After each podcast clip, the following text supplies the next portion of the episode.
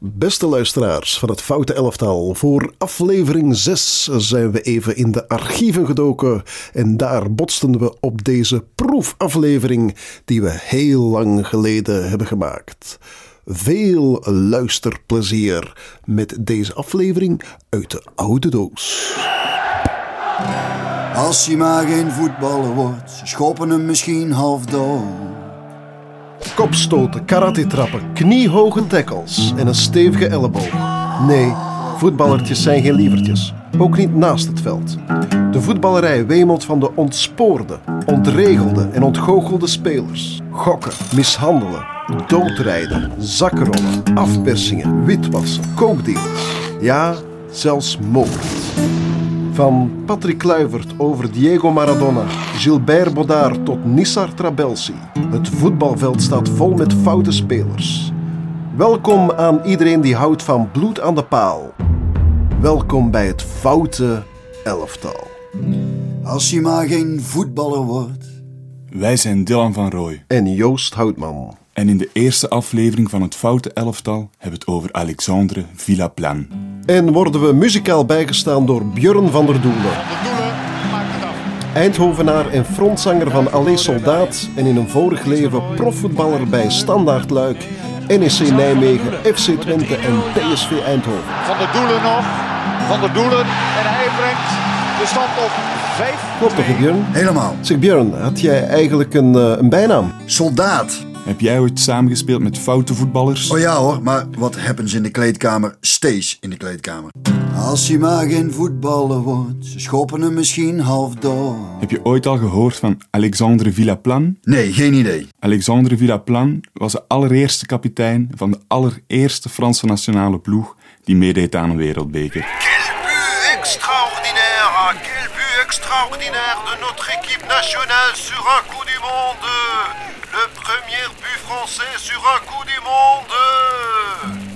zo moet het geklonken hebben in de Franse huiskamers. Lucien Laurent scoort het allereerste Franse doelpunt ooit op een WK. Na een schitterende assist van kapitein Alexandre Villaplan. Het land ligt aan zijn voeten. Een soort Vincent Compagnie avant la lettre dus. Ja, maar de kans dat onze kapitein ooit opgepakt wordt voor landsverraad, Joost, ja, dat is toch eerder klein. Hè? Het is best een intrigerend figuur, die Alexandre Villaplan. Allee, vertel eens, ga je gang. Va ton corridor, zoals de Fransen zeggen. Alexandre Villaplan, de gevierde vedette, de kapitein van Les Bleus, die kreeg uiteindelijk de kogel door de kop. Als hij maar geen voetballer wordt, ze schieten hem misschien wel dood. Dit is het al even waar gebeurde als hallucinante levensverhaal van Alexandre Villaplan. Het begon voor hem allemaal op kerstavond 1905. Er is een kinneke geboren op aard. Kerstavond, de dag dat de kleine Alexander geboren werd. We zijn in de Algerijnse stad Constantin, op 80 kilometer van de Middellandse Zee. Maar in die tijd, Joost, was dat dus gewoon nog maar Frans grondgebied eigenlijk. Frankrijk. Allee, kom. Laat ons even de Marseillaise zingen. Of nee, we vragen het even aan deze heel toevallige voorbijganger. Allons enfants de la patrie, le jour de gloire est... Vraiment la Brabançonne, ça. Pardon La Brabançonne, c'est vraiment ça. Oh, je sais pas. Dankjewel, meneer Leterme. Alexandre of Alex pour les amis leert voetballen bij Gallia Sport d'Alger. Hij bulkt van het talent. Hij is de natte droom van elke trainer. Samen met zijn oom trekt hij naar Frankrijk, de Côte d'Azur. Hij kan meteen aan de slag bij voetbalclub de Set. Set is net als de buursteden Nîmes, Nice en Marseille een van de pioniers in het Franse voetbal. Ja, de Mediterranee is op dat moment het mekka voor wie tegen een leren bal wil of, of kan trappen. Hoger kan een voetballer met de Franse nationaliteit echt niet mikken. Mediterranee, nee, nee, nee, nee. Mediterranee, nee, nee, nee, nee. Met uw zonnebaden aan een promenade van de Mediterranee. De Schotse speler-trainer van Set, Victor Gibson, zet Alex al snel in het eerste team. Het stijgt de puber wel meteen naar het hoofd. Hij wil centjes verdienen. Kaching, kaching. Alleen, professioneel voetbal laat in die jaren ja, toch nog wel een beetje op zich wachten. Het is op dat moment zelfs verboden om spelers te betalen. Nou, ik ken dat. Zolang je ergens officieel werkt, is er niks aan de hand. Envelopjes onder tafel, die doen de rest. Zeg maar, wat maakte die Villa Plan eigenlijk zo goed? Wel, we vragen het gewoon aan de kenners. Een technisch sterke middenvelder die bulkt van de energie, perfecte passes rondstrooit en daarboven nog fantastisch weet te koppen. Wie zou hem niet in de ploeg willen? Met Villaplan kroont Zet zichzelf tot champion de division d'honneur. De Champions League. Nee, Bjorn, de champion de division d'honneur. Niet de Champions League. Villaplan wordt zelfs opgeroepen voor de nationale militaire ploeg. In het stadion van AA Gent. Buffalo, Buffalo, ah, Gent. Ja, het is goed, Joost. In Gent speelt hij in ieder geval tegen de militaire ploeg van België. Enkele dagen later voetbalt hij in Londen tegen de ploeg van het Engelse leger. Het gaat snel voor de Frans-Algerijnse jongeling. Op 11 april 1926 mag Villaplan tegen België in de grote nationale ploeg debuteren. Allee, tijd voor het volkslied. Kom al, de termen. Zing nog eens de brab de Marseillaise. Allons enfants de la patrie. Ja, de Fransen verslaan België met 4-3. Een week later nemen ze ook de scalp van Portugal. Ook Zwitserland moet er die maand aan geloven. De naam Villaplan is al snel erg bekend. C'est un beau roman, c'est une belle histoire. C'est un beau roman, c'est une belle histoire. Officieel is Villaplan wel geen profspeler. In de praktijk is hij dat natuurlijk wel. Sets grote concurrent Nîmes Olympique plukt Villaplan in 1927 weg. Villaplan leidt de rood-zwarte naar de promotie naar La Division d'honneur. De Champions League. Vanuit Parijs reist de erg rijke Jean-Bernard Lévy af naar de Mediterranee. Hij wil Villaplan, de grote ster van Nîmes en het nationale team ook. Hij wil die aanwerven om zijn eigen ploegje Racing Club de Paris beter en sterker te maken. En onoverwinnelijk. Ja, die Levy, dat is eigenlijk een soort eh, Abramovic van, eh, van Chelsea eigenlijk, hè, van die tijd. Wie de top wil halen, die moet het wonder Villaplan wel in zijn ploeg hebben. Dat is duidelijk. Villaplan laat zich in Parijs het goede leven welgevallen. Hij is een graag geziene gast in bars, restaurants, cabarets en ook cabardouches. Hij smijt er met zijn geld. En ook bij paardenrennen is hij een vaste klant. Alleen een toffe P eigenlijk. Die le 5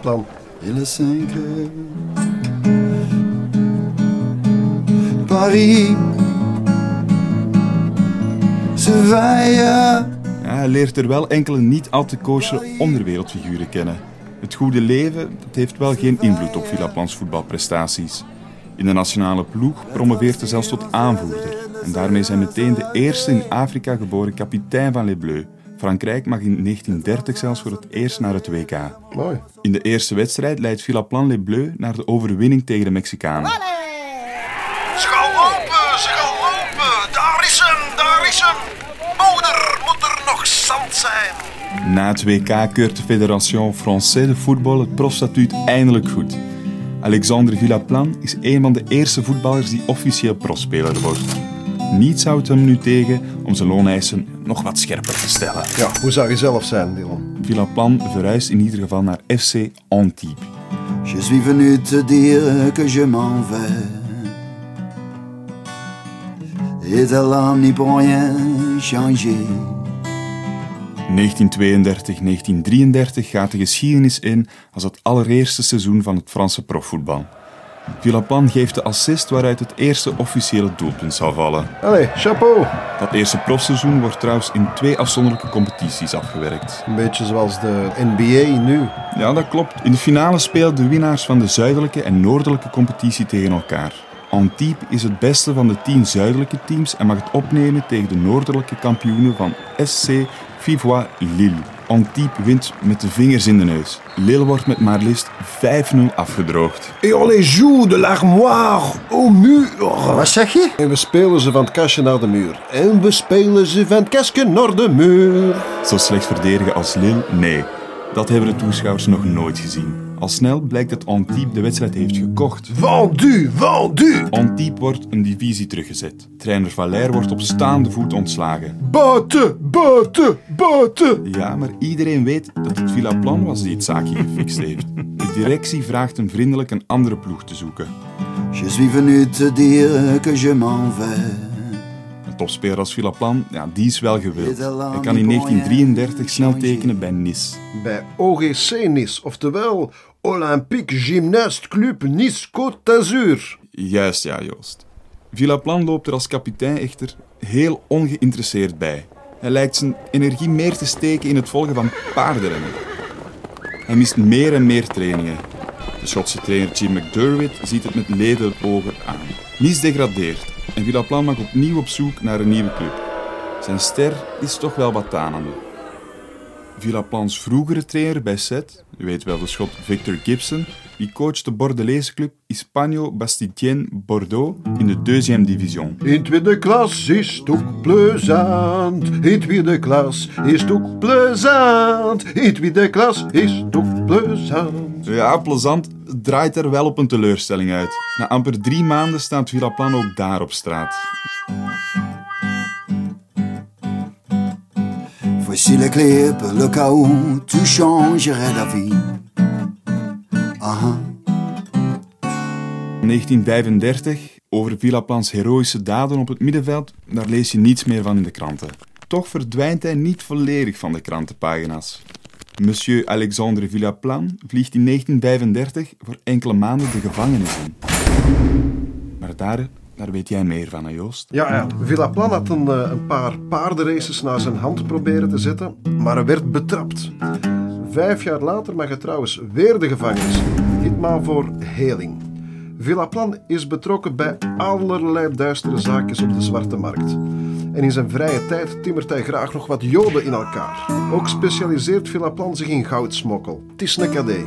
In 1941 mag Villaplan weer inchecken in Hotel Prison. Maar weet je, hij mag al snel weer uitchecken. Waren die beschuldigingen dan niet zwaar genoeg of zo? Jawel, jawel, jawel. eh, Maar zijn, eh, zijn vrijlating werd gefixt door een Henri Lafont. Wie? Henri Lafont was een van Frankrijks grootste smeerlappen ooit. En je weet, Parijs was in juni 1940 in handen van de nazi's gevallen. Waar het maatschappelijk evenwicht verdwijnt, overwinnen alleen diegenen die alle regels aan hun laars slappen. En die Lafont, dat is er zo eentje. Hè? Lafont die liegt en bedriegt alsof het een lieve lust is. Hij verdient trouwens goed geld op de zwarte markt. En de Duitse bezitter maakt geregeld van zijn diensten gebruik. Dat is dan om de vuilste zaakjes op te knappen. Ja, ja, ja. En hoe vettiger, hoe prettiger voor Lafont. Hij stijgt in de Duitse actoen en wordt steeds meer voor allerlei inderdaad heel vuile klusjes ingeschakeld. Klusjes waarvoor Lafont beruchte en beduchte medestanders nodig heeft. Zo recruteert hij twee gevangenen, namelijk de voor corruptie veroordeelde politiecommissaris Pierre Bonny en ene Alexandre Villaplan. De voormalig voetbalinternational, maar vooral schoemelaar eerste klasse. Ja, ja, inderdaad, je kent hem. Villaplan en Bonny worden door de Duitsers uit de gevangenis ontslagen. Zomaar. Auf Wiedersehen. Samen met Lafont vormen ze het triumviraat van de Franse Gestapo. En met z'n drieën trekken ze op regelrechte jodenjacht. Hun slachtoffers worden in de kelder van een Parijs huis gefolterd en gestript van alle juwelen en gouden tanden. En de opbrengst, die is dan wel voor de Duits, hè? Ja, maar niet alles. Ze dragen maar een deeltje af aan de Duitsers. Zaken zijn zaken. Business is business. Ah, de oorlog is om een rijk te maken. Ja, en weet je, er speelde nog iets eh, in het voordeel van Villaplan toen.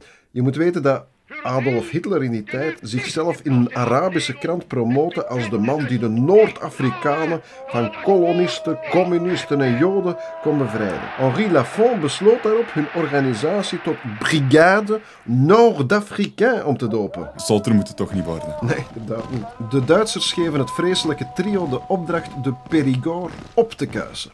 Op 11 juni 1944 laten Villaplan en enkele kornuiten zich volledig gaan en schieten in het dorpje Musidon elf verzetstrijders door het hoofd. Maar die mannen die scheppen plezier in hun gruwelijke daden. Ja, het lijkt wel alsof ze erop kikken. Hè?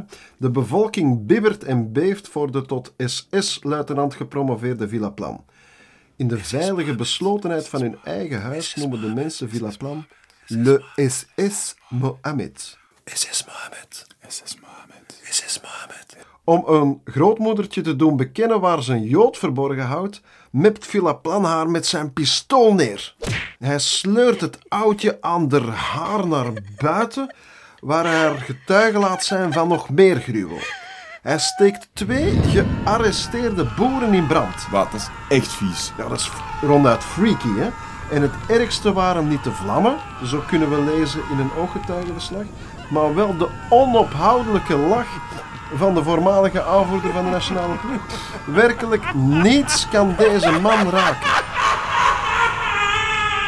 Oké, maar we kennen ondertussen Villaplan wel een beetje. Het is een echt een opportunist, hè. Hij zal toch niet zomaar het einde van de oorlog afwachten. Nee, nee, wanneer hij doorheeft dat de Duitsers de oorlog wel eens zouden kunnen verliezen, laat Villaplan heel opzichtig enkele mensen ontsnappen. Nou ja, kwestie van achteraf nog enkele goede daden gedaan te hebben. Ja, tekenend is zijn volgende nobele daad. Zo roept hij in een van de laatste dagen van de oorlog tegen een arme man uit: Il vont vous tuer! Ja, als een volleerde moeder Teresa gaat onze hele grote held Villaplan verder. Al 54 mensen heb ik gered. Op gevaar van eigen leven.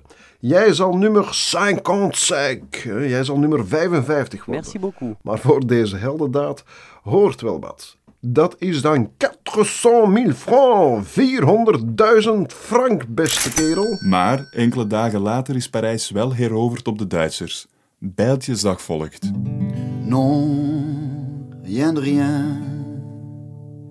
Non, je ne regrette rien. Ni le bien qu'on m'a fait, ni le mal tout, ça m'a bien égal. De rechters hebben op de 1 december 1944 niet veel tijd nodig om Alexandre Villaplan ter dood te veroordelen. Joyeux anniversaire, joyeux anniversaire. Landsverraad, verkrachting, betrokkenheid bij de moord op minstens 10 landgenoten. De lijst is even smakeloos als eindeloos. Au revoir, mon capitaine. Het is gedaan met Alexandre Villaplan. Kerstdag 1944. Parijs viert feest. Alexandre Villaplan mag zijn verjaardag in de cel vieren. De volgende ochtend wacht het vuurpeloton. Anniversaire, anniversaire, anniversaire, joyeux anniversaire.